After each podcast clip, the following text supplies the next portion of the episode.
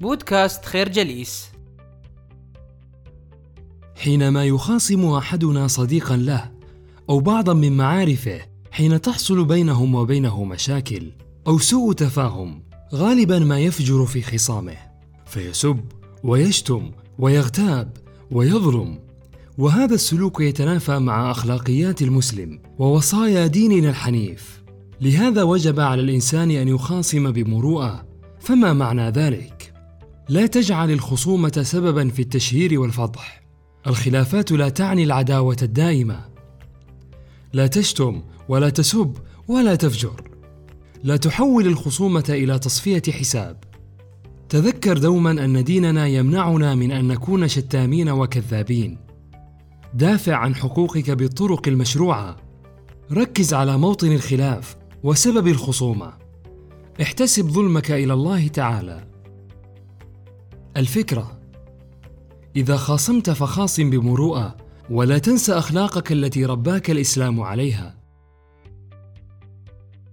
لا شيء يوقف حركة الإنسان في هذه الأرض.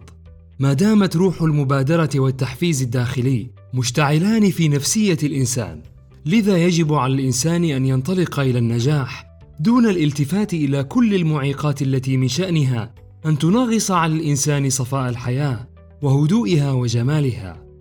لكن كيف تكون الانطلاقة؟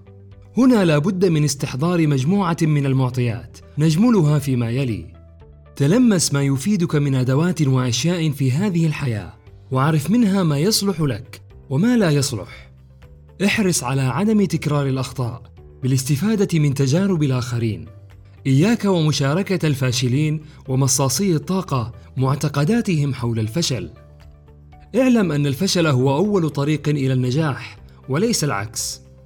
لا تتعامل مع الخطأ على أنه خطيئة مقصودة.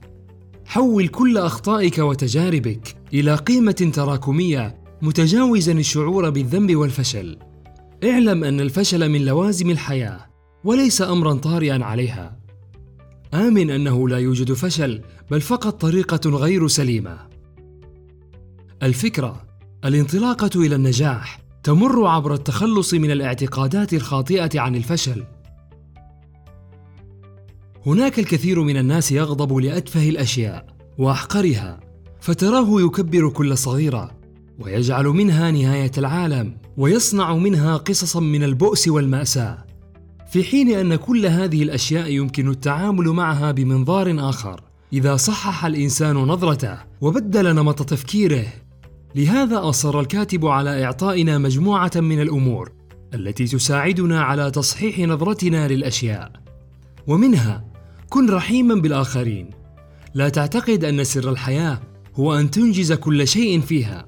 تعلم أن تعيش حاضرك دون الالتفات إلى الماضي وعذاباته. امتص سخط الآخرين بإظهارهم أنهم على حق في بعض الأحيان.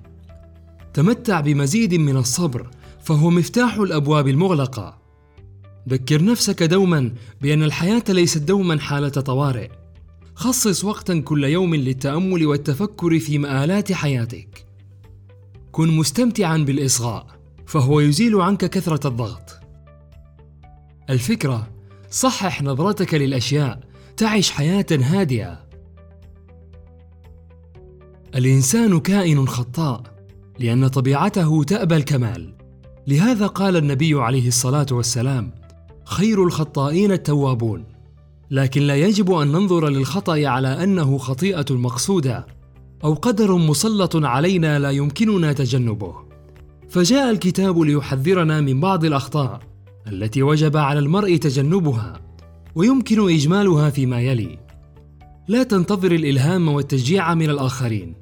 لا تتقمص دور المظلوم ودور الضحية وتعتقد أنك شخص خلق للفشل. لا تتأثر بتجريح الآخرين لك أو نقدهم أو عتابهم وتحقيرهم. لا تقصر في مسؤولياتك المهنية والاجتماعية والأسرية.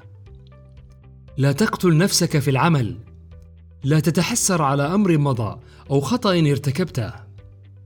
لا تقلل من شأن ذاتك وتجعل نفسك عرضة لاحتقار الآخرين. لا تعش تابعا للآخرين وكن مستقلا بنفسك. تجنب مخالطة الناس السلبيين. ومصاصي الطاقة. اعمل دوما على تطوير قدراتك ولا تتوقف.